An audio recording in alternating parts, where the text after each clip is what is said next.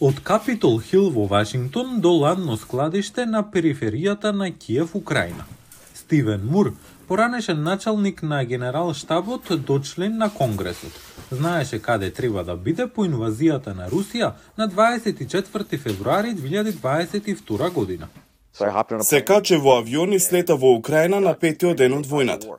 И дојде тој носејќи залихи. I bought like binoculars, walkie-talkies. Купив двогледи, воки-токи, батериски ламби и некои медицински материјали. Ги спакував сите во четири големи куфери. Додека Мур се обидуваше да влезе во Украина, луѓето чекаа во долги редици обидувајќи се да излезат.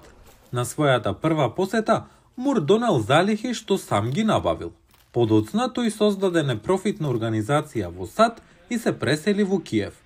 Мур објаснува што го натерало да го направи тоа. Тоа се две работи. Ја сакам Украина, а дел од причината за тоа што слободата е многу важна, основна вредност за мене.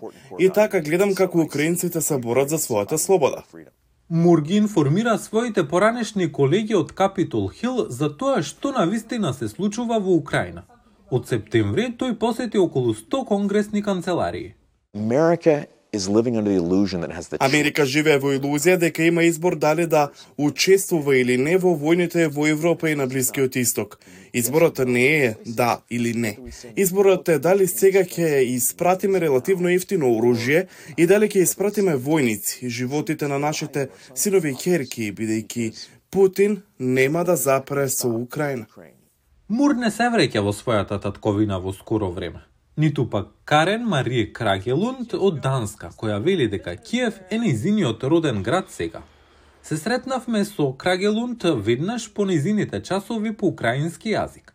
Таа течно зборува руски, но по години во Украина сака да зборува на низиниот официјален јазик. I came here to join the IT. Дојдов овде да се приклучам на IT индустријата и пред околу 6 години започнав собствен бизнес каде што ги советувам компаниите за организацијска трансформација и управување со промени. Всушност, следната недела ја слава мојата 17 годишнина овде. Кога пукањето во Киев започнало на почетокот на војната, таа побегнала на запад од Украина, а подоцна се вработила во Холандија. По една година одлучила дека мора да се врати во Украина.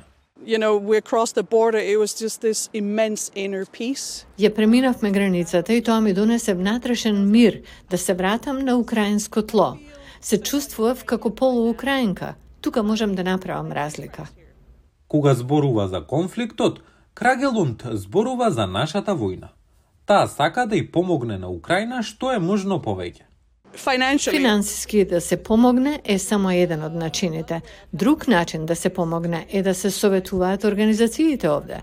Моментално работам со многу голема невладина организација на јакнање на нивните капацитети. И Мури Крагелунд велат дека додека нивните пријатели и роднини не го разбираат нивниот избор да живеат во воена зона, тие престанале да се обидуваат да ги убедат да се вратат во нивните татковини.